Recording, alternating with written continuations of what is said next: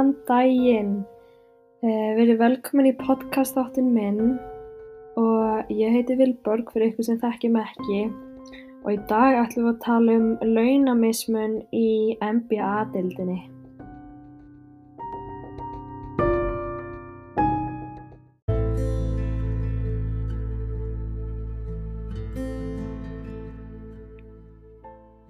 Við ætlum að fjalla um Sue Bird og LeBron James. Sue Bird er leikmaður sem spilar í Women NBA í Ameríku. LeBron James er leikmaður sem spilar í NBA í Ameríku. Þau hafa bæði spilað 17 serjur samfleitt í annarkort NBA eða Women NBA. Þannig að þau hafa spilað jafn margar serjur. Þau hafa bæði unnið fjóru sinnum meistaratitilinn. Og þau hafa bæði orðið mikilvægasti leikmaður deildarinnar fjórum sinnum. Þannig að tölfræðin þeirra út frá hvað þau hafa uppskorið er svo nákvæmlega sama. Á hinveg, launin þeirra eru gjör ólík.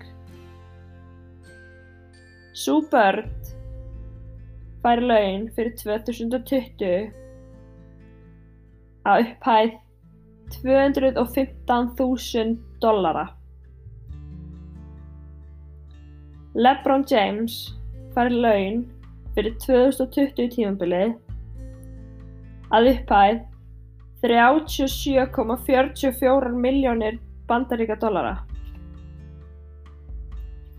Þarna er 37, rúmur 37 miljón dollara munur. Ekki nóg með það að þá fær hver leikmaður fyrir að vinna deildina bónus, peningabónus. Bónusin sem Sue Bird fekk fyrir 2020 fyrir að vinna 2020 titilinn var 11.356 dólarar. Bónusinn sem að LeBron James fekk fyrir að vinna 2020 deildina var 370.000 dólarar. Aðeins bónusinn hans er næst í helmingi meiri heldur en launin hennar fyrir 2020. Og hver var skýringin á þessu? Einfalda skýringin á þessu frá NBA stjórnendum var svo að það horfa fleiri á NBA heldur en Women NBA og maður skilur það alveg.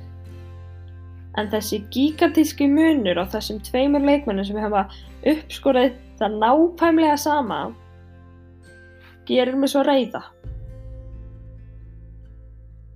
af því að það er endalaust samfélagi talar endalaust um jafnrétti, um feminisma, um allt. Ég skilgrinu mig ekki sem feminisma. En þegar ég sá þetta sem körfubólta aðdæðandi og sem leikmaður sjálfur, ég var agtofa.